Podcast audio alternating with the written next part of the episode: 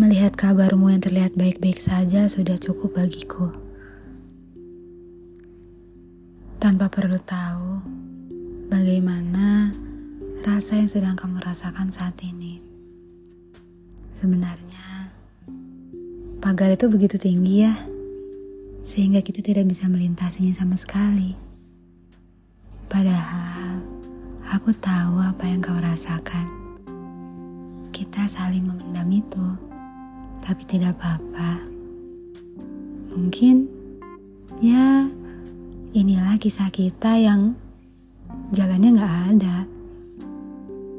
Sebenarnya kalau kau katakan memang kau belum sembuh, ya memang belum sembuh.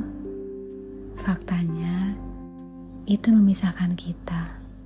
Maka selayaknya mereka tahu kalau kita berpisah dengan cara yang baik namun dengan cerita yang tidak cukup baik. Perpisahan dengan alasan yang hanya kita saja yang tahu. Menurutku, dengan perpisahan ini, aku akan semakin dewasa. Begitupun kamu, yang pastinya akan meratapi semua yang sudah terjadi. Dan kuharap dengan begitu, kamu benar-benar menjadi dewasa dan pastinya tidak menyesali apa pun setelah apa yang telah kau buat dan yang telah kau selesaikan.